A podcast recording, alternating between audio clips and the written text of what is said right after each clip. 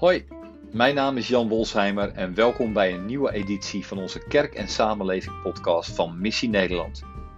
In deze editie is Johan Terbeek te gast om te praten over zijn visie op de klimaatcrisis. Johan is theoloog, schrijver, ruimdenker, maar vooral profeet. Hij werkt in het dagelijks leven bij de Protestantse Kerk waar hij meedenkt en meewerkt aan innovatie. Welkom allemaal.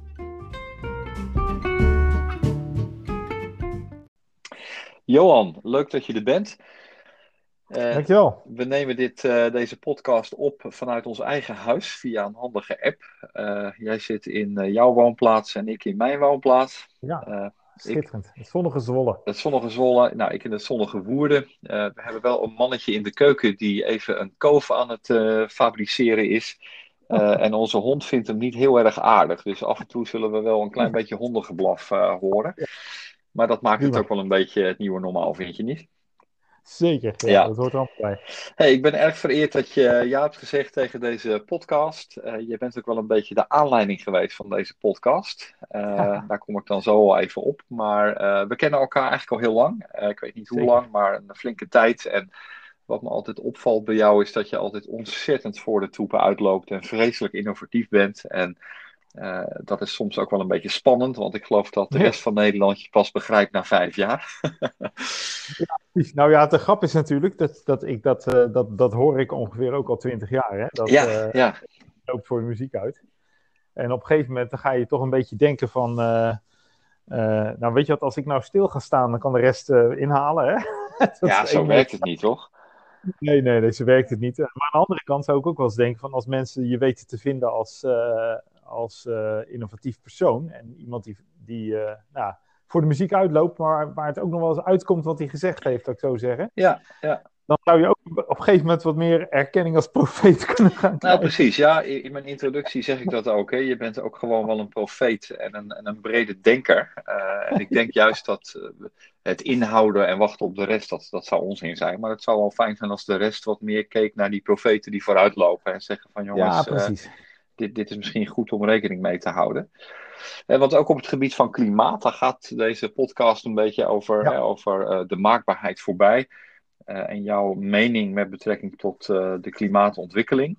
En, ja. en, jij was eigenlijk al heel vroeg bezig met deelauto's en de Fairphone en vleesloos eten. En ik kan me nog herinneren dat jij op een gegeven moment een, een telefoon had met een potloodje en een opschrijfboek. Hoe heet ja, dat ding ook weer? Ja, dat is de John's phone. Oh ja, de John's ja, phone. Ja, ja. De dumbphone. De dumbphone, ja. Echt ja, hilarisch. Echt, helaas gaan die dumbphones dan weer niet zo lang mee. Dat is dan weer een nadeel. Ja, ja, ja. Ik, wacht, ik wacht nog altijd op een een of andere uh, dumbphone die echt gewoon van keigoed materiaal gemaakt is. Ik had ooit een keer een Zwitserse uh, telefoon. En ik dacht, nou ja, weet je, die gaat de rest van mijn leven mee. Maar dat was ook niet het geval. Nee, nee. Die hield er ook na twee jaar mee op. Dus ja, jammer is dat. Hey, maar wat, wat triggerde jou eigenlijk om uh, je levensstijl eigenlijk al aan te passen voordat de rest van de wereld het daarover had? Je was daar ook vrij nou, vroeg in. Nou ja, misschien. Uh, kijk, dat, dat ligt een beetje in welk bubbeltje je zit hoor. Uh, ik ben zelf opgegroeid in de Gifmiddenkerk. En uh, daar had je vroeger altijd twee stromingen. Je had de wat meer orthodox-evangelicale stroming. Je had het meer over individuele zonde en uh, de redding door Jezus en het gaan naar de hemel. Eh, en ja. het woord van God even, dus de, de, de basic uh, piketpaaltjes van de orthodox-evangelicale wereld. Ja. En daarnaast had je de, de wat meer vrijzinnige hoek van de modernisten van ja, heelheid van de schepping bijvoorbeeld ja. en gerechtigheid. En dat werd, toen werd dat gezien als een soort vrijzinnig bolwerk en vrijzinnige onderwerpen en hielden wij ons een beetje ver van. Mm. Dus in die zin liep ik ook gewoon achter hoor, in die tijd. Uh, ik zat natuurlijk destijds ook een beetje in die evangelische bubbel. En, en daar was dat heel lang geen issue. Uh, en voor mij was de grote verandering uh, de komst van bijvoorbeeld een theoloog Tom Wright. Eh, onder andere, maar hij is het meest gezicht van, van die hele beweging geweest voor mij. En ja, dat hele holistische ja. van uh, het koninkrijk van God is voor hier op aarde en voor hier en nu en niet voor, uh, alleen voor later.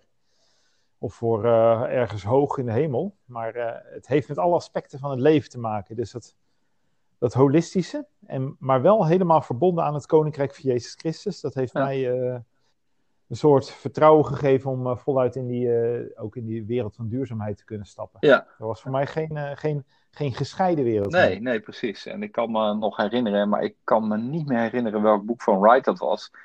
Dat hij daar uh, over schrijft als onderdeel van je geloof. En ik zat in de trein, ik denk op weg naar Den Haag, want ik was in die tijd nog geen voorganger.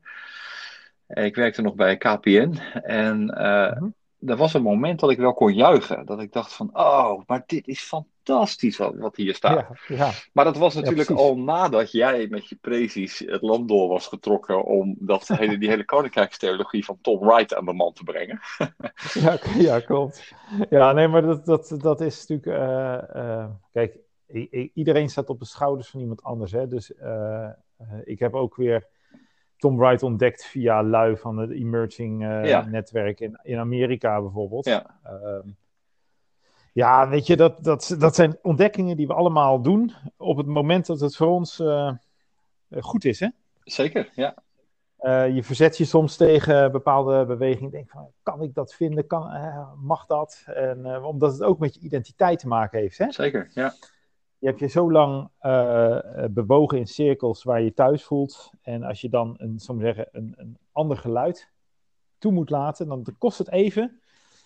Dan moet het even bezinken ook in jezelf en wortels schieten. Mm. En, uh, en dan kan het helpen dat zo'n hele betrouwbare figuur als Wright wel is. Hè? Dat is natuurlijk gewoon een, een man die met humor en, en gezag spreekt over, over de Bijbel. Dat je denkt van, oh ja, wacht even, daar, daar kan ik wel achteraan. Ja, ja. Ja, zeker, absoluut. Ik heb uh, colleges van hem gevolgd in Kampen, niet zo ver bij jou vandaan. Ah, en ik, ik, ik weet nog dat ik uh, uiteindelijk, uh, uiteindelijk hem ontmoette en, en, en, en, al zijn boeken had moeten lezen. En dat, is ook, dat zijn natuurlijk allemaal geen, geen kleine boeken, zeker niet de, de wetenschappelijke boeken die onder NT Wright worden uitgegeven. Dat zijn, de, ik heb echt wel jaren nodig gehad om mijn eigen, eigen theologie weer eens te doordenken. Maar toen moest ik nog wel aan jou denken. Dat ik dacht van oké, dat is toch wel weer Johan de Beek die dat toch wel weer zag voordat ik het zag. En ik had ook echt die tijd nodig om die omwenteling te maken. Ja, En, en, dat is wel een grappig bruggetje ook naar het onderwerp waar we het vandaag over hebben. Want nu flik je met weer. Uh, uh, tot mijn grote frustratie zag ik in 2018 een documentaire uh, op de VPRO, denk ik. Uh, ik weet niet meer precies hoe het programma heette, van Paul Kingsnorth, of over Paul Kingsnorth. Uh, tegenlicht. Tegenlicht was het inderdaad, ja. En ik, uh, ik weet nog dat ik met kromme tenen die uitzending uh, uit heb gekeken. Hè. Paul Kingsnorth was een gezaghebbende figuur in de milieubeweging. Hij was hoofdredacteur van The Ecologist. En in dat programma ging het erom dat hij eigenlijk zijn hele vertrouwen in de milieubeweging en de oplossingen had verloren. Ja. ik heb er toen twee jaar niet naar gedacht. Uh, in de tussentijd was ik druk met uh, bijvoorbeeld uh, het introduceren van Christian Climate Action in Nederland, Extinction Rebellion, waar ik ook ontzettend veel positieve, ook christenjongeren actief zag en ontzettend veel hoop ja. had voor de wereld. En toen kwam Johan te Beek met een artikel in Nieuw Wij, waar ik echt helemaal ja. van moest bijkomen. Ik heb het hier voor me liggen, 4 november 2020, ja. met als titel Klimaatverandering niet redden, maar rouwen. En ja, dat was echt een klap in mijn gezicht. En ik dacht van, wat, wat gebeurt hier nou toch? Waarom snap ik dit niet en wat is hier uh, zo ingewikkeld? Uh, niet zo lang geleden uh, plaatste jij op Twitter een link naar een podcast met Paul Kingsnorth. En uh, nou, je tagde mij daarin. En ik dacht, ik moet dat toch eens luisteren, want ik mis, ik mis kennelijk iets in dit, in dit gesprek. Zeker omdat ik jou ook ken als best wel iemand die nou, erg ecologisch bezig bent. Uh, ik heb het geluisterd en uh, nou, ik, heb het, uh, ik ben inmiddels voor de derde keer begonnen aan die podcast, omdat het fantastisch is. De podcast zal ik ook in de show notes zetten, zodat de luisteraars ook die podcast zelf kunnen luisteren. Maar hoe komt het dat jij nou zo veranderd bent in je denken? Wat was voor jou nou het omslagpunt? Ja, het is voor mij een, een, een langzaam proces hoor. Um, kijk, Laat, laat ik voorafstellen dat uh, het verlangen naar een, uh, een, een geheelde uh, schepping, dat, dat, dat deel ik met heel veel mensen die klimaatactivist zijn, hè, christelijk of niet. Ja. Hè? Dus um, ja, ik maak me ook jarenlang al zorgen om klimaatverandering, om problemen rond biodiversiteit, dierenwelzijn. Ik heb, voordat ik D66 heb gestemd, de laatste verkiezingen, heb ik trouw Partij voor de Dieren gedaan. Ja. Ehm, nou ja, weet je, je probeert je gedrag erop af te stemmen met in ieder geval thuis veganisme-achtige praktijk. maar weet je wel, zo, zo probeer je uh, je eigen dingen bij te dragen. Dus, dus ik deel, zou maar zeggen, de zorgen en ik probeer ook een uh, deel van de oplossing te zijn. Dus, dus daar vinden we hem allemaal. Um, tegelijkertijd doe ik een jaar of nou, 15 aan wat je noemt scenario thinking. Ja. Dat is een, uh, een, manier om strategisch over uh, toekomstvraagstukken te denken. En dan ga je eigenlijk uh, allerlei onzekerheden in kaart brengen. En dan probeer je de wat-als-vraag te stellen. Ja. ja. Dat kan gaan over technologie, dat kan gaan over spiritualiteit, het kan gaan over milieu, over economie. En dan, dan zeg je, wat nou als de economie over twee jaar in zou storten? Wat zou daar het gevolg van zijn? Ja, Wat merk je ervan? En dan probeer je daarop te anticiperen in een organisatie. En in mijn geval deed ik dat dan voor de kerk. Dan ging ik proberen te denken over uh, kijk, je kunt nagaan denken over de kerk van wat als wij deze visie hebben en die gaan we omarmen en we gaan er beleid op maken. Hè? Dat is de visionaire mm weg. Ook vanuit de uh, grote realiteit gaan denken waar je weinig of geen controle over hebt. Ja. Nou, klimaatverandering, uh, evenals andere natuur- en milieuvraagstukken, die liggen voor mij principieel op het gebied van daar heb ik eigenlijk geen controle mm. over. Ja. En dat uh, was ook waar ik via die scenario thinking achter kwam. Dan doe je natuurlijk heel veel interviews met allerlei deskundigen. En die bevestigen dat beeld eigenlijk. Hè? Iedereen zegt, ja, het zou anders moeten, maar nee, daar heb je geen controle over. En dan heb je het even over globale schaal. Ja, ja. ja dus korte douche gaat de wereld niet redden, zeg maar. Nee, natuurlijk is het logisch dat als we dat met z'n allen zouden doen, zou dat een impact hebben. Ja, maar dat hebben. gaat niet gebeuren. Ja. Ja, uh, je moet eigenlijk, volgens mij, om het, om het klimaatverhaal goed te snappen, moet je uh, zeggen, de grote globale beweging zien. En dat is een beweging die, die gewoon gestart is in de industriële revolutie, met een bepaald uh, economisch model. Hè? Daar hoort een bepaald mensbeeld bij, daar hoort een bepaalde visie op hoe gaan we om met natuur. dat was een, een, bron in het economische plaatje van natuur, arbeid en kapitaal. Uh, alleen daar is een, in principe een hele grote denkfout gemaakt. En ook een praktische fout, gewoon dat, dat natuur iets is wat wij als mens kunnen beheersen. Wat we uit kunnen putten, waar we onze afval in kunnen dumpen. En dat is een soort onbeperkte bron waar we uit, uh, die we kunnen misbruiken, als het ware. Uh, en die, die filosofie van de industriële revolutie, hè, die, die beheerst ons als het ware al, al 200 jaar. Um, en die is de laatste 30 jaar echt in een enorme stroomversnelling gekomen. Dus daar waar je, zou zeggen, tot de jaren 60 uh, eh, zie je dat doorsukkelen, zou ik maar zeggen. Zie je de laatste jaren met de opkomst van de, uh, de nieuwe economieën, zou ik maar zeggen, zie je, zie je dat dat uh, groots is geworden. Hè? Globalisme, internet, ja. de hele financiële wereld. Die heeft dat tot ongekende proporties opgeblazen, waardoor het uh, het effect van die economisch-politieke realiteit, die, die is, uh, dat is een machine geworden. En dat zegt Paul Kingsnorth natuurlijk ook, hè, een suicide ja. machine, een, een self-destructing mechanism. Dat kun je niet stoppen vanuit een individu, niet vanuit een één kerk, niet vanuit een land. Zelfs niet vanuit een Europese ja, Unie. Het is te groot geworden. Dus ja, is te groot. En het heeft ook een, het heeft een eigen leven. En uh, nou moet je heel erg oppassen, want dat is het grote uh, keerpunt, is dat je daar niet cynisch, sarcastisch of uh, al je hoop Precies, want dat is het gevaar natuurlijk. Hè? Dat was mijn eerste reactie op Paul uh, Kingsnorth, dat ik dacht van ja, deze man slaat alle hoop uit onze handen. Ja, precies. Maar waar was jouw hoop op gebaseerd voordat je voordat het uit je handen werd geslagen? Nou, waarschijnlijk denk ik toch veel meer op de fix-it-mogelijkheid. Uh, dus, dus van ja. wat Kingsnorth natuurlijk goed aanhaalt, ook in zijn boek, uh, is dat hij zegt dat we op dezelfde manier waarop we in de problemen zijn gekomen, de boel willen fixen.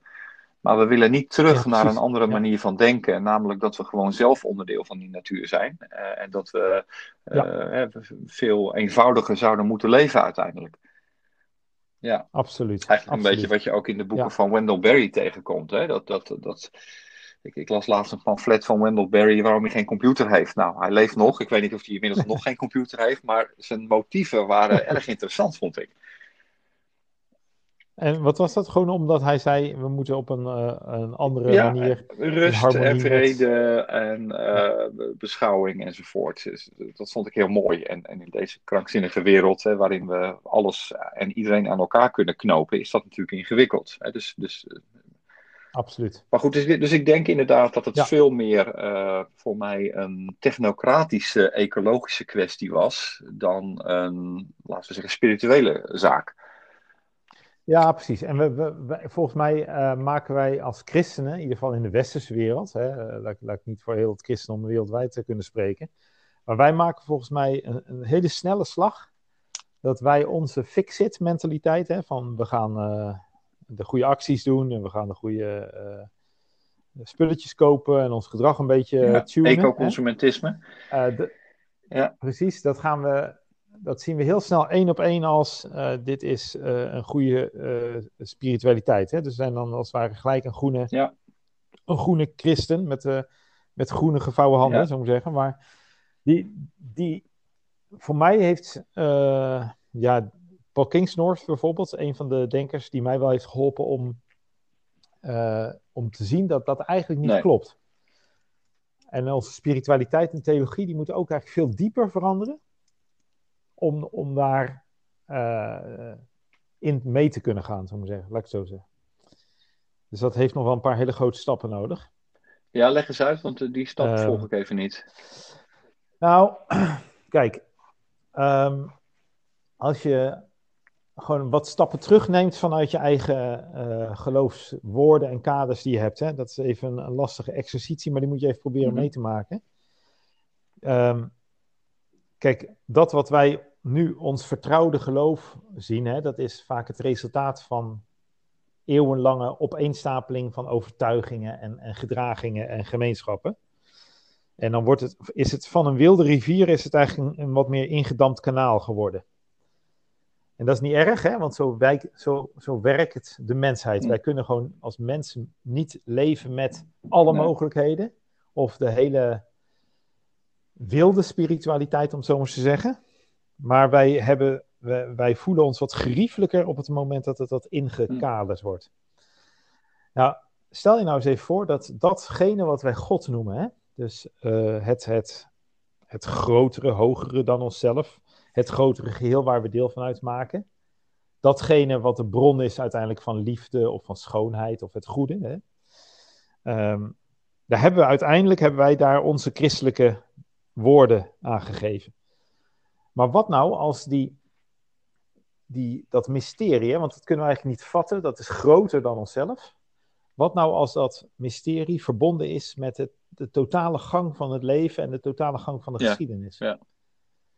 Hè? En eh, volgens mij, de grote theologische slag die wij nu aan het maken zijn, is, is een omkering van een heel dualistisch beeld naar een meer uh, panentheïstisch godsbeeld. Ja, ja. Dus dat het, het goddelijke, het mysterie, is veel meer verweven met het hele bestaan, dan dat het uh, los daarvan is. En wij als christendom hebben de laatste, uh, ja, heel, ja, wat zeg ik, een groot deel van het christendom hebben in een wat meer dualistisch Ja, dat, fascineert me nou juist, hè? Want ik bedoel, uh, wat ik, wat ik Ja. ineens uit de hoge hoed uh, ontdekte bij het luisteren van de podcast van Kings North, is dat hij na een spirituele zoektocht van tien jaar uiteindelijk zich volgens mij in januari Ja. heeft laten dopen in de Roemeen. Ja. Ja, de Oosters-Orthodoxe kerk. Ja, en, en, en zijn, zijn reden is met name, hij zegt er niet heel veel over waarom dat gebeurd is, maar dat hij het christendom ziet, het oude christendom, wat hij het beste vertegenwoordigd ziet in de Oost-Orthodoxe kerk, is dat het niet dualistisch is. Ja. En ik viel zo wat voor mijn stoel, want hij heeft daar absoluut Ja. gelijk in. Terwijl ik, en jij waarschijnlijk ook, het christendom in het Westen stiekem toch wel behoorlijk dualistisch is. Ja, ja, dat is wel aan het veranderen, gelukkig. Uh, maar dat, dat, is het, Ja. dat is het wel geweest. Heel Nou ja, ik bedoel, ik, Eh, ik kan me heel veel preken herinneren waar een hele ja. grote scheiding werd aangebracht tussen eh, geest, ziel en lichaam. Ja, klopt. En ook, ook eh, het idee gewoon dat, dat als je gaat bidden of liedjes gaat Ja. zingen over God, eh, dan, dan zijn dat vaak teksten die gaan over een, een God in de hemel en die Precies, bemoeit zich ja, op ja. afstand met de aarde. hè. En dat brengt een spiritualiteit met zich mee van, oh ja, als deze wereld naar zijn klootjes gaat, nou ja, dan zal Jezus op een dag wel Precies, terugkomen ja, en fixt hij de boel, hè. Dat is een hele grote De man upstairs wordt dat wel in de Eh, orthodoxe theologie genoemd. Hè? En af en toe horen we geluid en denken we, hé, hey, er is iemand op zolder. Ik bedoel, Wright heeft Precies. heel erg naar orthodoxe theologie gebracht. Omdat ik dacht van, jongen, dat, dat, daar zit dat hele holisme al in. Vanaf het begin van de kerk. Wat heb ik gemist al die tijd? ja. Ja, ja, nou ja, kijk, het is, eh, eh, wij groeien natuurlijk op in de cultuur waarin, eh, ja, die ons weer Ja. nurtured, om het zo maar te zeggen. Ehm, maar de, die, die beweging naar dat, dat holistische, hè, dus de- maar ook dat ja, wat meer panentheïstische, dat zou ons kunnen helpen om eigenlijk, kijk, de, de, het leven en ook de problemen in het leven, die gaan als het ware Ja. hun eigen Ja. gang. Eh, zo, zo is het wezen van God is ook niet te doorgronden door ons. En ook niet zo, we zeggen, in kaart te brengen. Of in schema's neer te zetten. Dus, ehm, kijk, ik geloof ergens dat, dat er een soort goddelijke wijsheid te vinden is. En ik, wijsheid vind ik een heel mooi begrip wat in, de, in het Jodendom, maar ook in de Oost-Orthodoxe Kerk ook wordt gebruikt als een soort. Hè, dat was Ja, het, ja. het principe waarop de wereld gefundeerd is. Eigenlijk is de, de wereld door Ja, wijsheid ja. geschapen. En Jezus is dan vervolgens de incarnatie van wijsheid. ja, ik ken dat vooral Eh, uit het Chassidische dus- Jodendom, zeg maar. Ja, Ja, pr- prima. Nou, dat, dat zou ook heel goed kunnen. Nou, wat als dat principe eh, ons laat zien wat het goede leven is? Dan, eh, dan heb je een soort van dat je daarop af kan stemmen. Dat het, dat het, het goede leven is iets Ja. is wat jij kan meekrijgen. En ehm, eh, volgens mij kunnen wij een spiritualiteit eh, leren ontdekken, waarin we het ritme van die wijsheid ons eigen gaan maken. En dan hoort daar voor mij bij dat je gaat, ehm, ja, weet je wel, dat je in, in Ja. harmonie met de natuur probeert te leven. Kijk, wij, wij hebben een soort christendom waar we in schema's denken. Hè? Dus eh, we, weet, we denken te weten wie God is, namelijk hè, even heel. eh, dit Mhm. zijn natuurlijk in karikaturen gesproken. Hè? Een God die in de hemel is, die zich bemoeit met Ja. aarde en die straks weer in gaat grijpen. En in die tussentijd proberen wij hier een een of ander programma te volgen. Hè? Dat kan zijn of mensen bekeren, de kerk laten groeien. Of dat kan zijn goede daden doen en eh, zoveel mogelijk mensen helpen. Maar uiteindelijk staat God aan onze kant en grijpt hij ja, ja. grijpt hij in, hè? Eventjes eh, eh, een heel karikaturaal beeld. Maar het zou ook kunnen zijn dat God in deze milieucrisis helemaal niet ingrijpt. Kijk, wij, wij denken ook vaak in een soort eindtijdschema van een begin en een einde. Hè? Dus God begint een schepping en die is goed en er gaat van alles fout. En aan het eind grijpt God weer in en maakt hij het allemaal mooi. Hè? Dat, is, dat, dat, dat is eigenlijk het equivalent van eh, eh, dualisme, is dat je ook denkt dat, dat er een, eh, een, climax in de tijd is, waarin alles opeens verandert. En het enige wat wij hoeven te doen is daar naartoe te werken. Hè? God een handje helpen daarmee, als het ware. Terwijl het ook zou kunnen dat er, dat er helemaal geen einde aan de tijd is, maar dat eh, ehm, Gods wijsheid steeds zichtbaarder zou kunnen worden door mensen die in dat ritme van die wijsheid mee gaan leven. ja. Dus geen, geen eindmoment, geen eindknal waarin God alles recht zet, maar een, ehm, een zich openbaar worden van Gods wijsheid. Precies, het, het meer geboren worden eh, van, van, van Christus, zeg maar, of van God in, eh, in de wereld. Ik ken wel Precies. meer mensen die dat, eh, die dat denken. Ja, zeker. En dan is het een kwestie van je, je leeft met de huidige crisis met de mogelijkheid dat het ook mis kan gaan. Hè? Dus, uh, want het zou kunnen zijn dat het helemaal niet gefixt wordt.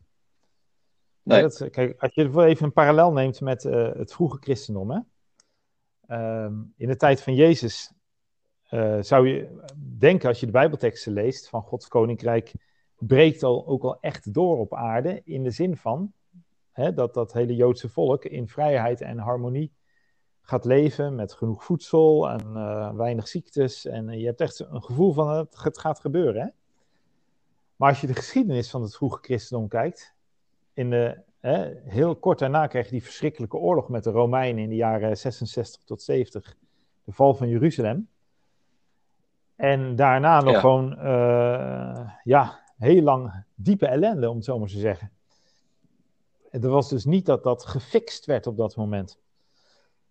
Wat er, wat er verandert, is dat de mensen die van een misschien relatief rustige situatie in een oorlogssituatie terechtkomen, die, die volgen Jezus door te zeggen van we hebben het, het paradigma van Jezus is dat hij uh, de zijde kiest van de, degene die op dat moment het meest slachtoffer is van, van de ellende. Dus de, de christenen die gingen mhm, ook zorgen voor de zieken en, de, en voor de oorlogsslachtoffers. Maar betekent dat dan dat er, uh, dat er geen eschatologisch scenario is waarbij uh, er een laatste oordeel is? Wat, ja, wat mij betreft uh, niet. Ja, ik, ik, ik heb daar niets mee, om het zeggen, zo maar te zeggen. Natuurlijk hou ik er altijd rekening mee dat ik verrast kan worden door iets wat, wat, ik, wat ik niet weet. Want dat vind ik nou, juist zo prettig aan dat laatste oordeel, dat, dat, dat daarmee een einde aan het onrecht komt.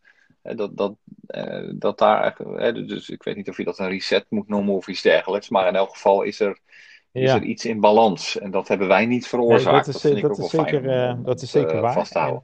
alleen je moet wel een beetje voorstellen dat, dat wat wij weten over eschatologie, wij denken vaak in hele moderne termen erover. Hè? Dus inderdaad een eindmoment in deze wereld waar er een grote schema's, en grote schema's. Ja, Terwijl in de Bijbel wordt er in poëtische termen gesproken en in symbolische termen over, uh, over wat dat betekent, omdat het gaat over iets wat groter is dan wat wij kunnen vatten. En ja. Um, ook voor de mensen die destijds misschien meer hoop hadden dat dat groter zou worden dan dat het in werkelijkheid was, hè, in de Bijbelse tijd zelf, voel je soms de teleurstelling van mensen die zeggen van waarom is het niet groter geworden? En waarom is, het niet, is er niet meer geheeld dan dat ik op gehoopt had? Um, ja, ja. Ik denk dat uh, voor mij persoonlijk hou ik er rekening mee dat deze wereld uh, niet meer te redden is in de zin van klimaatproblematiek. Uh, dus ik moet zeggen, bijna alles wat je hoort is erop gericht van we moeten onder de anderhalf graden, onder de twee graden, onder de 2,5. Ja, ja. En als het daar. En we hebben eigenlijk geen scenario voor als het nou, niet ja, zo kijk, is. Hè? En, en dat, is ook een beetje, wat Paul Kingsnorth ook probeert te zeggen. De kans dat we uh, met heel veel inspanning onder de 2 graden kunnen blijven qua opwarming is, is eigenlijk al niet heel. Weet je wel? Dan ja. zou je eigenlijk alles moeten veranderen, maar gewoon puur even uh, carbon technisch, om het zo maar te zeggen, wat er in de atmosfeer zit. Dat is al genoeg om uh, de, de beweging naar 2 graden gewoon uh, volledig door te zetten. Wij leven met een ja, soort ja. mythe inmiddels, dat we een soort onder de anderhalve graad opwarming kunnen blijven als we maar genoeg doen. Uh, nou ja, een heleboel klimaatwetenschappers zijn het er al daar lang niet mee eens. Die zeggen van joh, het is een gewoon inevitable. Dat we gewoon uh, op, op bepaalde doemscenario's afgaan. Uh, en dat is maar één aspect. Hè? Kijk, als je dit nou zou kunnen isoleren en je zou kunnen zeggen: dit is het enige probleem op aarde, dan zou ik kunnen zeggen: van uh, jongens, volle bak vooruit, iedereen doet mee en probeert het beste van te maken. Maar je hebt, inmiddels, je hebt ook nog een groeiende wereldbevolking. En uh, hoe heet die? Uh, Prins Andrews heeft daar recentelijk iets heel doms over gezegd. Hè, die zei de, de, de bevolking. Ja, heb ik gemist, die bevolkingsgroei in Afrika is een groot probleem. Want dat gaat groeien naar 1, 1 2 miljard en dan, dan nog meer. En dat zal uiteindelijk naar 4 miljard inwoners gaan alleen op Afrika. En, en hij zei dat kunnen ja. we niet aan met de ecologie. Nee, het probleem zijn niet de Afrikanen, Prins. Precies, nee, inderdaad. Nee, nee, Amerikanen vooral en, en rijke Aziaten die, die het probleem zijn. En, maar wat je wel krijgt, is dat zo'n wereldbevolking blijft groeien. En om die groei tegen te gaan, moeten ze uit de armoede. Nou, als ze uit de armoede komen, hm. dan gaan ze dus meer consumeren. Uh, de krijgen om een luxe leven. Meer welzijn, meer welvaart. Uh, vlees eten, vervoermiddelen, nou, noem alles maar op. Met andere woorden, zij staan nog maar aan de vooravond van de industrialisatie. De, en dat geldt voor de, helft van de wereldbevolking. Hè. Die, staat, die staat nu pas op het startpunt. En die staat te popelen om mee te gaan doen. Nou, moet je even voorstellen dat, dat wat dit doet in de psyche van mensen. Dat je naar, naar een Afrikaan of een Zuid-Amerikaan of een Indiër toe gaat en zegt: Ja, alles leuk en al aardig, maar wij zitten met een heel groot probleem. Jullie kunnen niet meer meedoen. Nou, dat gaat niet gebeuren. Dus, nee, uh, nee, nee, nee, nee, Dus als je dat scenario doorrekent, zeg maar, of doorvertaalt, of, of daar een, tekeningetje van maakt, dan, dan kan het niet anders dan we, dat we die anderhalve graad opwarming nee, gewoon niet gaan, gaan zeker niet halen. Nee, nee, nee. nee, nee. Daar hou ik... Uh, kijk, nogmaals, verrassingen daar gelaten. Maar uh, we, gaan, we gaan dat niet halen. Zeker nog de twee graden gaan we niet halen, volgens mij. En daar komen nog allerlei andere problemen bij. Want, zo moet zeggen, die klimaat is geen geïsoleerd probleem. Dat, dat zal een voedselprobleem gaan geven. Dat zal een, uh, een veiligheidsprobleem, een, een, vluchtelingenprobleem. Uh, nou ja, uiteindelijk een technologieprobleem. Dus uh, een spiritueel probleem. dus het zijn, het zijn interconnected problems. En die, die, die kun je niet los van elkaar zien. En maar zeg je daarmee eigenlijk van ja, we kunnen die problemen niet aanpakken, dus uh, lever maar mee en leer vanuit een diepere of andere spiritualiteit te leven. Volgens mij schrijf je zoiets in je artikel op ja. uh, Nieuw ja. ja. Want dit is bijzonder slecht nieuws voor de milieubeweging. Ik bedoel, haar hele legitimatie lijkt hiermee uh, verdwenen ja. te zijn. Ik hoorde je laatste zin even niet. Van welke groep is de legitimatie verdwenen?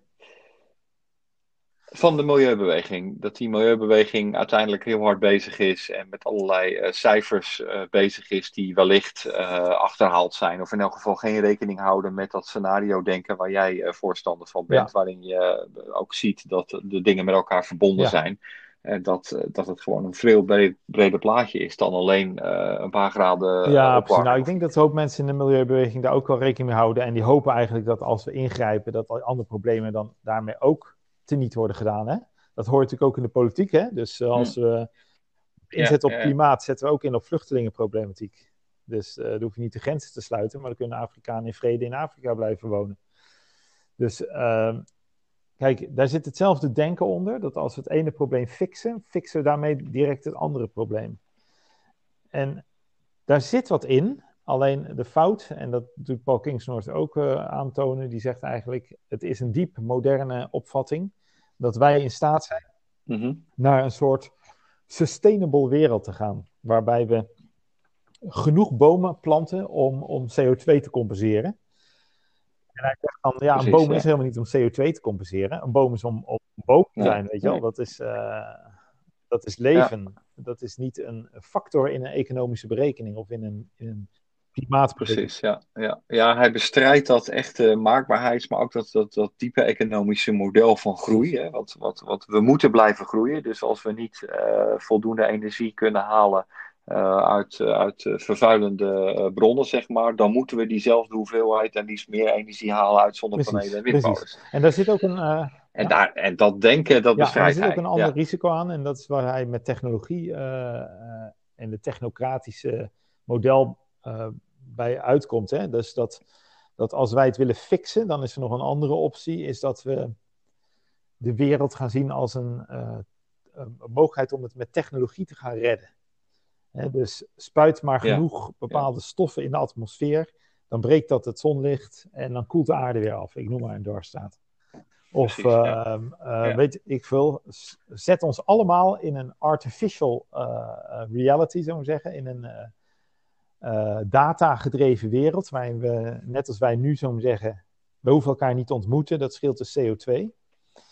Nou ja, weet je wel, zet gewoon allemaal servers op de hele wereld en we leven gewoon in een uh, virtual reality. Hè? De, en het mooie van de uitspraak van, van Paul Kingsnorth vond ik eigenlijk. Van, hij zegt, al die science fiction films die in Hollywood zijn gemaakt, als The Matrix. Hij, het lijkt wel alsof Silicon Valley dat als een blauwdruk heeft genomen. Van, zo gaan we het maken. Ja. Want het is, het is letterlijk de wereld van de machine, hè, de machine world, die, die zich over ons uitrolt, waarin we uiteindelijk data zijn. Hè. De mens is, is gelijk aan zijn data. En dat zegt ook iets over het mm. mensbeeld. Ja. Dat is nog dieper dan materialisme. Hè. Dus dan, materialisme is terugredeneren naar jij bent stof en uh, je hersenen zijn, uh, zijn slechts uh, cellen met met signaaltjes ertussendoor. En uh, dataïsme, dat gaat nog een stapje verder. Je bent, je bent informatie, of misschien zelfs minder dan dat, je bent hmm. data. Ja, als dat een oplossing voor ons probleem is, nou, dat is niet de wereld waar ik uh, wil leven. Nee, precies.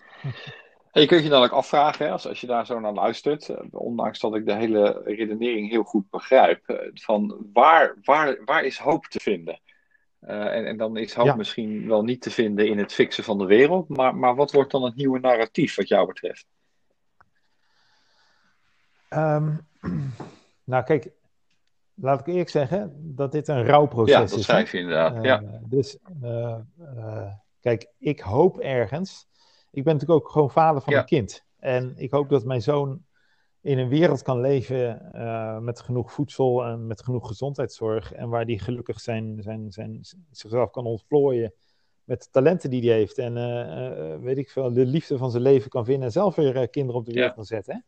Dus, um, en ik zie een wereld komen waarin dat behoorlijk aan het misgaan is. Dus ik zit ook wat dat betreft in een rouw. Ik had het ook graag anders ja. gezien.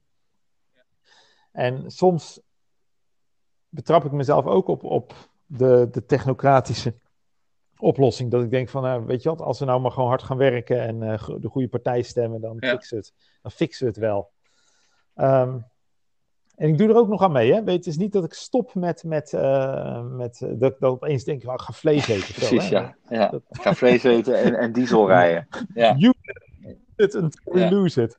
Uh, dat, dat is natuurlijk een totale cynische en hopeloze ja. wereld. Um, dus je hebt, laat ik zeggen, je hebt twee dingen. Je hebt de opdracht om sowieso uh, diep met te ver, verbonden te zijn met een diepe spiritualiteit. En een diepe spiritualiteit is het idee dat datgene wat ons overstijgt, hè, noem het God, noem het Jezus, noem het de wereldgeest, die, die uh, laat ons uh, ritmes zien hoe we kunnen leven. Dus die rit, dieren niet zien als objecten die je op kunt sluiten en met veel, veel geweld kan martelen en dan voor een heel goedkoop in een supermarkt gaan leggen. Dat is niet hoe het grotere geheel, dat wat wij God noemen, die zal niet zeggen, jongens, ga een supermarkt doen met kiloknallers. Nee. Dat kan nergens een spiritualiteit zijn. Nooit. Als je dat weet, dan heb jij als het ware de opdracht om je aan dat grotere te houden en niet mee te doen met het systeem wat dieren mm. degenereert tot, tot economische factoren die je mag martelen. Nou, ja, precies. Je krijgt dan eigenlijk een soort economie van genoeg, denk ik. Die, die, economie krijg je genoeg, maar die doe je niet omdat je de economie kan redden, maar dat doe je omdat, die, omdat die waarden in zichzelf waardevol zijn. Ja, je precies. eet niet dier omdat je denkt, ik wil de ecologie, ecologie redden. Je eet geen dier omdat een dier niet bedoeld is om op die manier te behandelen. Ja. Dat wil niet zeggen dat je niet dier zou mogen eten. Uh, of een, hè, je bedoel, uiteindelijk moet je eten, of je nou een plant eet, hè, of een dier. Ja, daar zitten bepaalde ideeën achter. Maar het gaat mij even niet om dieren eten als zodanig, maar meer om de industrie die we ervan gemaakt hebben. Ja, zeker. Ja. Um, maar, maar dat is eigenlijk een beetje, als ik je mag onderbreken, het lijkt een beetje op wat Peter Morin zegt van de Catholic Worker beweging. Ik weet niet of je hem okay. kent, of misschien ken je de beweging. De Catholic door... Worker beweging wel, ja. Ja, Dorothy Day. En uh, Peter Morin die zei ook van, uh, het gaat niet om het uh, bewegen van, naar een revolutie, maar dat je binnen de schelp van het oude iets nieuws vormgeeft. En dat Precies. vond ik altijd wel bijzonder hoopgevend. Dat ik dacht van ja, weet je, ik hoef me niet druk te maken over de grote revolutie. Maar binnen mijn eigen mogelijkheden, die ongelooflijk beperkt zijn, kan ik wel volgens een ander ritme gaan leven. dus, dus dat, volgens mij is dat precies wat er gebeurt in het Bijbelboek Exodus, hè, wat mij betreft. Hè. Dan, dan, zie je eerst dat God uh, de helft van dat Bijbelboek uh, bezig is om zijn volk uit Egypte te halen. En de rest van de Bijbel, maar in elk geval het tweede deel van Exodus, daar lijkt het wel of hij het denken van Egypte uit zijn volk aan het halen is. dus dan geeft hij nieuwe regels. hoe ga je om met, nou ja, ook natuur. Het land mag niet braak liggen. Nou, je kent al die, die, die, die dingen uit de Torah wel, waarvan je denkt van ja, uh, zij leefden anders. Uh, en nergens hoor ik God zeggen van nou, dat doen we omdat we hiermee de wereld gaan fixen. Maar ik wil gewoon dat je zo leeft. Als je bij mij hoort, leef je zo. Precies, dat is, dat is precies de ethiek die je moet uh, proberen te ontdekken. En dat is een, een diepe spiritualiteit die ja. uiteindelijk verbonden is met het leven zelf. Ja, ja precies. Ja. Kijk, je, je, je zou ook kunnen zeggen dat ook al ken je helemaal de Bijbel of een expliciet christelijke God niet, dat wil niet zeggen dat je niet in verbinding kan zijn met datgene wat, wat het leven is. Ja. Dus uh, dat filmpje van Rob Bell, die heeft ooit een keer dat rhythm filmpje gemaakt. Dat hij eigenlijk zegt van iedereen voelt dat ritme in de muziek aan. En uh, het, de vraag is, ben je, leef je in tune of Precies, niet? Ja, ja. Nou, ik vind dat een waanzinnige metafoor. Ja, die zo sterk is dat ik denk, ja, daar gaat het om. Het gaat de, de vraag is niet, redden we de wereld, maar leven we in tune? En met het feit, en nou komt het lastige, want jouw vraag was, wat is dan de hoop? Ja. Met het feit dat je probeert in tune te leven, kan het wel zo zijn dat de wereld toch vergaat zoals wij die vandaag kennen. Ja. Maar dat kan ook bijna niet anders, want het systeem is kapot. Ja. Dus de industrialisatie, dat, dat hele, die hele grote machine, die, die rijdt op zelfdestructie af. Um, en dan zou het ook kunnen zijn dat het grotere geheel zegt van ja, deze, deze auto gaat van de klif af, weet je wel, en punt. Ja. Bijsturen gaat niet meer lukken, want het, het, het, het, daar is het te groot voor, weet je. En die, dat, die heeft een monster gecreëerd. En dat monster blijft honger hebben en blijft zichzelf opvreten, totdat hij zichzelf heeft opgeblazen. Met heel veel schade om zich heen. Ja. Um, ja, is dat hopeloos? Nou, de hoop kan er ook in zitten dat als jij uh, leeft in een situatie met lijden, dat je opgeroepen wordt om Christus te volgen in, in het lijden. Mm. Want je wordt, je wordt deel van zijn lijden en daarmee een, een zaadje wat sterft, wat uiteindelijk de hoop op nieuwe, nieuw leven geeft. En dat is ook een spiritualiteit die ook heel diep in de Bijbel Zeker, zit. Ja. En het zou kunnen zijn dat wij opnieuw in een stervensfase zitten en niet in een, we gaan naar een, een hoogtepunt. Ja. Ja. Uh, en dat is dus een situatie waarin je dus ten eerste moet rouwen over het verlies van de, de wereld om ons heen. En goed, dat, maken we allemaal mee, want ja, je, je weet, we gaan het niet redden. Uh, en dat is dus verlies op verlies van geliefden, van, van, van leven, van welzijn van dieren, van schoonheid en alles. Dus maak je op voor een hoop lelijkheid, oorlog en, en uitbuiting en noem alles maar op. Maar in dat lijden zijn wij niet onwetend wat betreft het verhaal van God. Want dat is, het is eigenlijk ballingschapstaal. Ballingschapshouding. Het is ballingschapstaal, ja. ja. En in die zin gaan we als het ware uh, de ballingschap nog maar in. Sterker nog, daar, gaan, daar zitten we nog lang niet in. Daar moeten we nog ja. in. Ja, ja. En, en, andere delen zitten al in die delen van de wereld die uitgebuit worden. Ja. Mensen die in slavernij leven, die zitten al in die ballingschap. Precies, ja. Ja, ja, ja absoluut. Ja, ja, helder. Ja, boeiend. Nog, nog even terugschakelend naar, wat, naar die podcast van, van Kings North, als je het goed vindt. Uh, ja, sure. Wat mij zo enorm inspireert aan zijn verhaal, is dat hij uiteindelijk uh, twee dingen aanwijst. Hij wijst wel meer aan, maar twee dingen die voor mij een beetje uitsprongen, is dat we leven met gebrek aan grenzen. Ja, dus uiteindelijk uh, gaat het in dat gesprek uh, ook, het begint volgens mij met een heel verhaal over economie.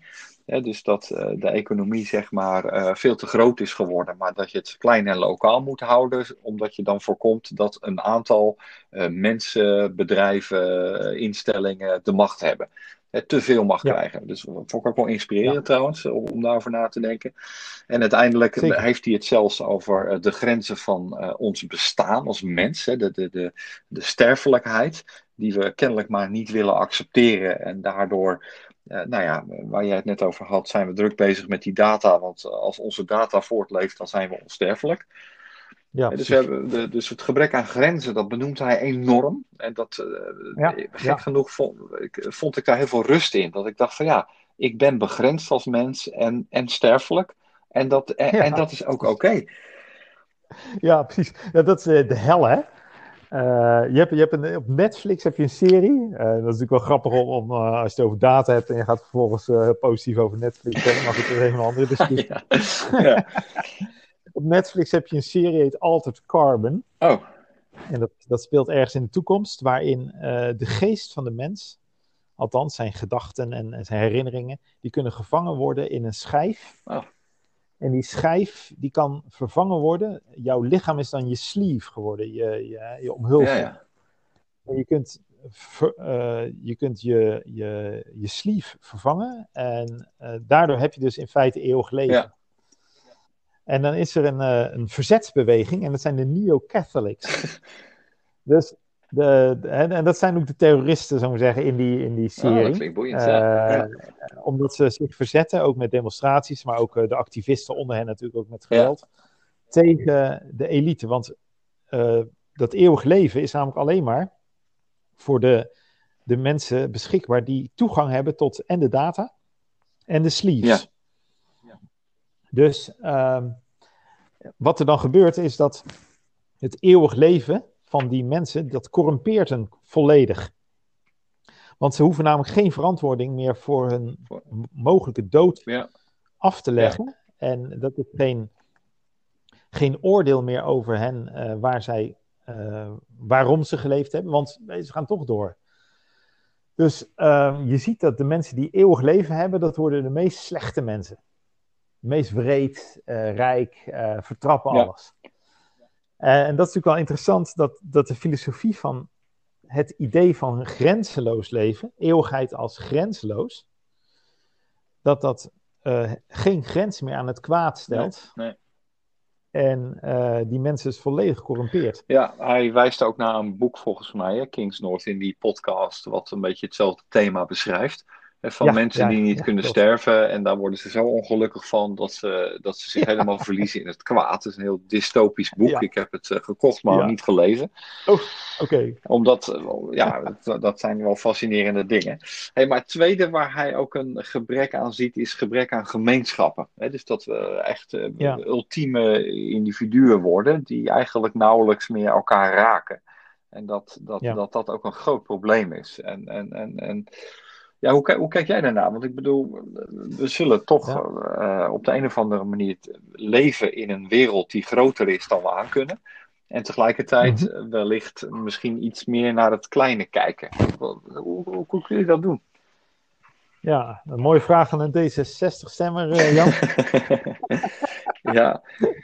te veel individu. Ja, dat is, uh, dat is natuurlijk ook zo. Hè? Uh, ook dit is een grote beweging. Dus ook hier moet je zo zeggen, wil je dit vatten, moet je ook weer terug naar de, weet ik veel, de, de verlichting en uh, het, het denken over het individu als een centrum van, uh, van het zijn. Hè, Descartes en, en, en zijn uh, honderden volgelingen. en de, de wereld die we gebouwd hebben op basis van die fundamenten. Hè, dus we zijn de, de, de mens als een handelend subject gaan zien. En daar hebben we een wereld omheen gecreëerd. En die via de laatste jaren met globalisatie, internet ook weer in, ook in de versnelling is gegaan. Ja. Dus het is die twee bewegingen, die zijn natuurlijk diep aan elkaar verbonden. Zowel de ecologische en natuurlijke crisis waarin we leven, als de wereld van het hyperindividualisme. Ja. Um, uh, kijk, waardegemeenschappen van mensen die zeggen van laten we samen uh, uh, waarden gaan oefenen door opvoeding, door uh, hoe we met elkaar omgaan in de zorg voor kwetsbaren, hoe we ons samen ons voedsel produceren, de feesten die we samen vieren. Het idee dat we überhaupt dat we meer verbonden zijn dan dat we individu zijn. Dat, dat, dat besef dat dat eigenlijk in oude tradities natuurlijk ingebakken. Hè? Dus je... Ja, en nog natuurlijk heel erg in Oosterse. Ik kom dat heel erg tegen bij de, bij de migranten of vluchtelingen die, die in mijn straat ook wonen. Als ik hen dan uh, niet vaak genoeg bezoek, dan vragen ze of, er, of ik boos ben. En terwijl ik denk, ja, ik ben gewoon heel erg druk. terwijl, terwijl voor hen, uh, zeg maar, uh, contact niet per se functioneel hoeft te zijn. Dus ik zou dan echt denken van, nou, ik moet weer even met hen praten, want, en dan komt een reden. Terwijl zij denken van, ja, maar ik heb hem al een tijd niet gezien, zou die boos op me zijn? Ja, dat is heel grappig. Maar, ja, ja, maar het is ook de maat, hè? de maat waarin we leven. Dus zeggen, de, kijk, als je vroeger een agrarische gemeenschap had, die zat natuurlijk met hun handen in de klei en die, die, die wisten van oké, jij, jij doet dit en ik doe dat. En, en samen zorgen voor de, voor de gemeenschap dat die voedsel heeft bijvoorbeeld. Of dat het eerlijk verdeeld gaat worden. Want, want diezelfde gemeenschap moest ook voor een soort van rechtvaardigheid zorgen. Ja. Uh, en voor heling als er problemen waren. Hè? Dus de spiritualiteit van vergeving bijvoorbeeld, die was natuurlijk ook gekoppeld aan rechtvaardigheid in zo'n overzichtelijke community. Ja, Nou, nou, op het moment dat wij dat opblazen naar, we zijn maar één individuutje in een wereldgemeenschap en verbonden met uh, internet en uh, alles is gespecialiseerd tot in het oneindige. Dus je kunt je producten kopen in China en dat gaat dan uh, met een enorme containerschip naar een haven en dan wordt het overgeslagen en, en weet ik wat, hoe, wat er allemaal in het proces zit ja, dan ben je natuurlijk ook je volledige connectie uh, met het grotere geheel kwijt, maar ook met elkaar. Ja? Dus uh, dan ga je de ander zien als een transactie. Ik koop wat bij jou, maar dat maakt niet uit of ik het bij jou koop. Ik koop het bij de Albert Heijn. En de Albert Heijn is niemand, want dat zijn anonieme aandeelhouders. Precies, van een, uh, ja, en dan ben, ik merk dat denk ik ook wel een beetje in de kerk. Hè? Ik bedoel, uh, goed, ik ben 50 en uh, ik kan me nog wel herinneren dat je koos voor een bepaalde gemeenschap. En wat deed je dan? Je, je, de, de theologie van de voorganger was belangrijk en de theologie van de gemeenschap. En je leerde ook wel een beetje leven met het ongemak van die gemeenschap. Want die gemeenschap was natuurlijk net als jezelf niet perfect. En wat je nu makkelijk ja. ziet, is dat mensen het na een tijdje weer zat zijn in een bepaalde gemeenschap en zich dan weer doorontwikkelen. En eigenlijk zeggen ze dan bijna altijd: ik krijg geen geestelijke voeding meer. alsof er een soort uh, ja. baarmoeder is, de kerk, waar, waar, of een navelstreng naar die, naar die mensen. Maar die vergeten dan om zelf een community te vormen. En die hoppen dan van community naar community. Zonder ook de moeilijke kanten van gemeenschap uh, te accepteren. Namelijk dat je je ook gewoon ergert aan elkaar soms. Of uh, dat iemand zaggerijnig is. Of dat het een keer niet lukt wat je verzonnen hebt. Ja, zeker. Ja, dat is, uh, dat is een enorm verlies. Um, ik, ik, ik, zie ook wel hoopvolle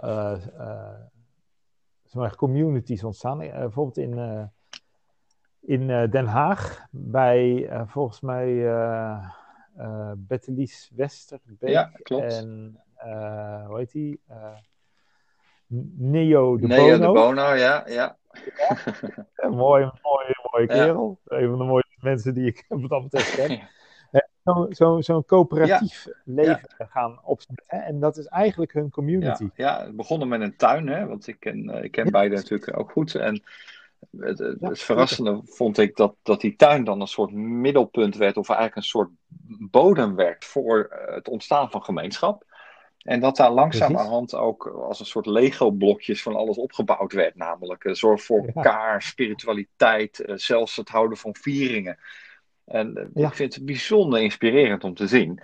En ja, ook, ook gewoon jammer om te zien dat dat dan ook eindig is. Omdat gewoon de, de financiën op zijn. En dat je, dat ja. je dan heel hard moet werken om een club mensen ja. om zo'n community heen te hebben. Die dat gewoon levend houden. Ik heb dat natuurlijk vaak gezien. Nou, jij werkt binnen die club bij de PKN. Ja. Waarvan je denkt van ja, het begint net, net begint er iets. De krokusjes komen boven de grond en dan is het geld op. Ja, ja, hoe het gebeurt hier nou? Dat is ontzettend jammer. Ik heb het in Amsterdam gezien en ook bij Petra in Den Haag, natuurlijk andere, andere plekken in Den Haag. Waarvan je denkt van nou, dat is echt jammer, want dit is een experiment met, met nieuwe gemeenschappen. Dit is mooi. Nou, precies, precies. Ik, wil, ik wil een real-life docu zien van deze, van deze club. nou, die moeten we misschien gaan maken dan. ik vind het echt zeer maar leuk. ik vind het, uh, ik vind zo'n hoopvol ding wat inderdaad kwetsbaar is. Ehm, kijk, en het is een beetje aan, aan ons allen om dat soort, dat soort dingen te gaan zien, in de schijnwerpers te zetten en, en te gaan kijken hoe kunnen we daar meer mee gaan, meer mee gaan leven. Op die manier dat je zegt van, weet je, dat, dat coöperatieve dat ook weer verbonden is aan voedsel, aan het land, aan een lokale buurt. Uh, en dan nogmaals, dan red je het grotere systeem niet, hè? Nee, maar het, je redt wel een gemeenschap, denk ik, die, die, die iets nieuws leert. Hè? Want dat ik heb deze week toevallig geïnformeerd bij de volkstuinverenigingen in Woerden. Dat zijn er drie. Nou, alles zit al tot eh, aan het einde van de tijd zo'n beetje vol met reserveringen en, en wachtlijsten. Corona, corona, oh, tuiniers. Ja, nee, maar ook gewoon de grote hoeveelheid uh, migranten die natuurlijk uh, in Woerden zijn komen wonen. Oh, ja. die zijn gewoon best wel gewend, vinden dat fijn om zo'n tuintje te hebben en zelf een voedsel te verbouwen. Dat is hartstikke inspirerend. Maar het, ik merk dat een landje, uh, hoe groot of hoe klein dat dan ook is, ontzettend samenbindend kan werken uh, voor een gemeenschap. Absoluut. En met name ook de kinderen kunnen dan goed meedoen. Hè? Dus je gaat dan een beetje weg van een gemeenschap die heel cognitief bezig is, met allerlei prachtige dingen te bedenken over hoe we denken en hoe we willen leven. Soms zie ik dat ook in de kerk. Hè? Dan, in de kerk leer je steeds van hoe het eventueel zou kunnen. Maar we hebben geen landjes om dat te oefenen. En dan kom je tegen dat in zo'n landje ook. Uh, ik heb al een tijd een moestuin gehad en daar groeide herenmoes. Nou, dat is verschrikkelijk. Dat is gewoon. Uh, ja, dat, dat, dat hoort gewoon niet bij de schepping, wat mij betreft. Dat, dat, dat woekert met wortelstok en dat is een nachtmerrie. Ja, ja, die hebben wij ook. Eh, of ik heb bijvoorbeeld een keer op een landje hier in, in Woerden aspergebonen geplukt. Dat is dan een soort, weet ik veel, een kerel die heeft land gehuurd en die, die, die, die heeft daar zo'n natuuropbrengst van en die verkoopt dat op de markt. Heel erg leuk. Dus dan kun je als vrijwilliger aanmelden. Ja. Ik heb een dag lang in de brandende zon aspergebonen zitten, zitten plukken. Op de dag dat ik ik ochtends bij mijn morgengebed de gelijkenis las van de wijngaard. Uh, waarin uh, al die werkers op verschillende tijden uh, zeg maar gaan werken en hetzelfde salaris krijgen. Ja. En ik vond het s'morgens een prachtig verhaal. Ik dacht, wat mooi, wat is God toch rechtvaardig. Totdat ik op mijn knieën met, met een zere rug... Ja. De hele dag het zitten. En dacht van, nou, als mij dit nou was overkomen, ik zou in woede ontstoken zijn. Ja, precies. Dus die gewone dingen, ja, gewoon van met je knuisten in de, in de grond en ook uh, snappen dat ik niet een krop sla groot kan kijken, hè, maar dat het geduld uh, zit daarin. Er zit, er zit zoveel om een tuin. Ik vind dat echt, ja, echt, echt, mooi.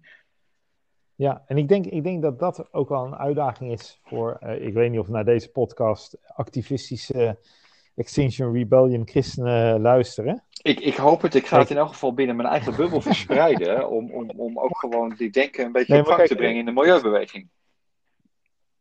Ja, want ik denk, kijk, het is, het is niet verkeerd om, om een keer jezelf aan een brug vast te ketenen en roepen om verandering. Gelukkig. Daar ben ik helemaal niet tegen. Uh, maar uh, het is niet het enige hoopvolle signaal wat je af kan nee. geven. Dus inderdaad, een moestuin en je eigen voedsel proberen te maken is ook een, een hoopvol teken. Maar ga dat, ga dat meer zien op het, het, het niveau van een symbool of een teken. Ja, precies. En, en uh, en dat je Jezus tegenkomt in het lijden en in het, uh, de rouw en het verlies. Hè? Dus dat dat ook een diepe spiritualiteit ja. is. En dat je niet de wereld hoeft te veranderen omdat je jouw politieke uh, omgeving anders kan oriënteren. Hè? Alsof je aan die mammoetanker een, een zwengel kan ja. geven. Maar uh, weet ik veel, stap op een gegeven moment ook in die reddingsboten of, of uh, weet ik veel, hoe diep je spiritualiteit gaat in zelfopoffering. Uh, daar durf ik zelf niet zo heel veel over te zeggen. Nee. Maar ja, hou er rekening mee dat dat, dat dat ook een spiritualiteit is die je ook kunt oefenen en kunt proberen te omarmen. Ja. Misschien me te binnen dat jij uh, volgens mij deze week uh, twitterde dat je bezig bent met de zoveelste revisie van jouw programma Reisgenoten. Ja. en dat je mensen zocht. Zit dit denken ook in dat uh, programma van jou, Reisgenoten? Ja, dat, dat heeft ook nog een iets anders uh, verhaal, maar de, de, de spiritualiteit zit er wel uh, erg in. Hè? Dus dat je een, uh, een oefenende gemeenschap bent. Hè? Dat ja. is het, het, basis. Dus niet een gemeenschap die alles weet of alles al heeft, of een identiteit die om, om, omlijnd is, waarbinnen je kunt blijven, ja. maar een, een open community die zegt van wij, wij weten het niet precies, maar we willen het wel gaan proberen te ervaren en te oefenen ja. en te leren. Dat is de, de, de spiritualiteit erin. Een andere, uh, kijk, iteratie, waarom, waarom, uh, waarom vind ik dat nodig om dat uh, te blijven proberen? Is, jij en ik lopen natuurlijk al een jaartje of, wat zou het zijn, 20, 25 in dat kerkvernieuwerswereldje ja. rond. Hè, van, van millenniumwisseling, om zo maar te zeggen. Um, en wat mij opvalt, is dat elk jaar zie ik initiatieven die ik 5, 10, 15, 20 jaar geleden ook ja, zag. Ja. Met ongeveer dezelfde ideeën, met dezelfde uh, uitbarsting van creativiteit of boosheid. Dus je ziet dezelfde soort activisten, je ziet dezelfde soort theologie, je ziet dezelfde creatieve uitspattingen. En de ene keer heet het Festival X, de volgende keer heet het Pop-up Kerk mm. Zo, de volgende is, keer is het... Uh, we moeten allemaal uh, podcast X luisteren, want theoloog I zegt daar iets heel zinnigs. En wat mij uh, tegen is gevallen in al die bewegingen, dat hebben wij natuurlijk ook in het emerging netwerk ja. gezien, is dat het, uh, het had weinig duurzaamheid. Precies, hè? Ja. Dus het was een, een opstandige, puberale uh, fase van mensen die zich bevrijd voelden uit de banden van een evangelicale orthodoxie of whatever. Ja. terwijl ik denk, het hoopvolle zit hem juist in datgene wat, waar we proberen duurzaamheid te, te, te laten zien. Nou, ik geloof ergens dat, dat er heel veel uh, goede initiatieven zijn. Op dat niveau hoeven we eigenlijk bijna niet tussen te investeren. Maar volgens mij moet investering plaatsvinden op een vorm van strategische samenwerking. Mm. Dus hoe kun je elkaar versterken in al die kwetsbare initiatieven? Ja, ja.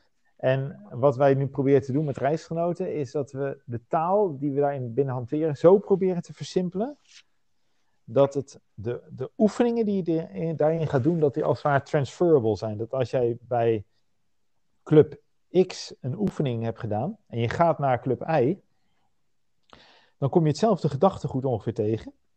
En kun je voortgaan in jouw oefenen en in het vormen van een gemeenschap. Ja.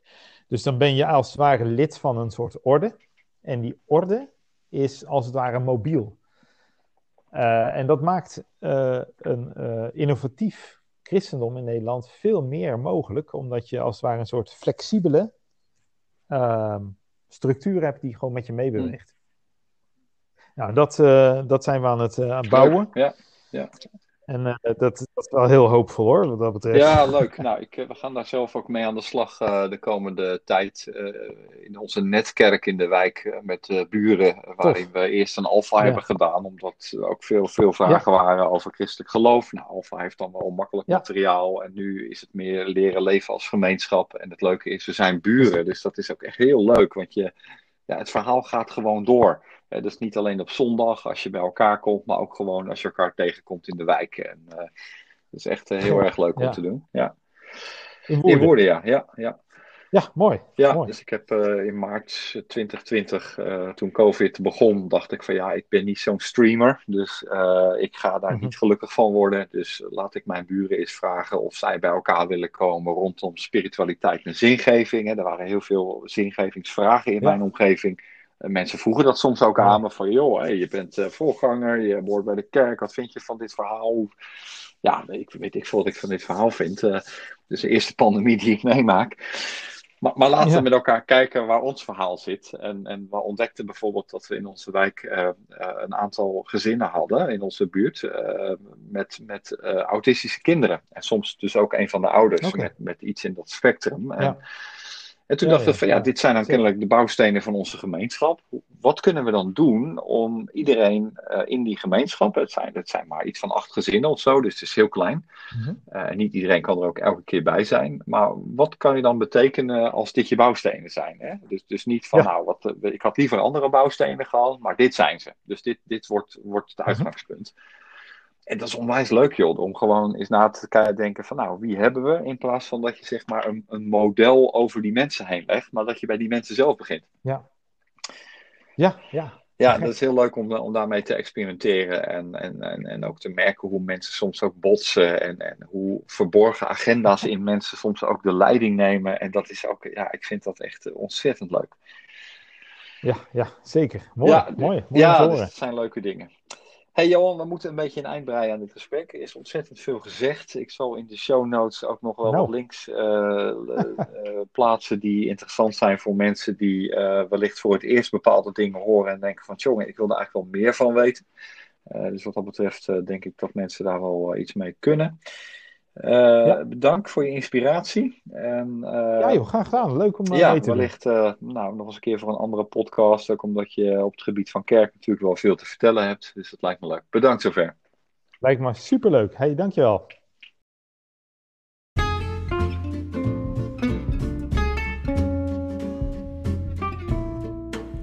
We zijn aan het einde gekomen van deze podcast. Dank voor het luisteren. In de show notes van dit programma tref je een aantal links aan die interessant zijn om te volgen uh, en die te maken hebben met dingen die Johan en ik besproken uh, in deze uitzending. Je kunt je ook abonneren op deze podcast, zodat je toekomstige edities in elk geval niet zult missen. Tot ziens en tot de volgende keer.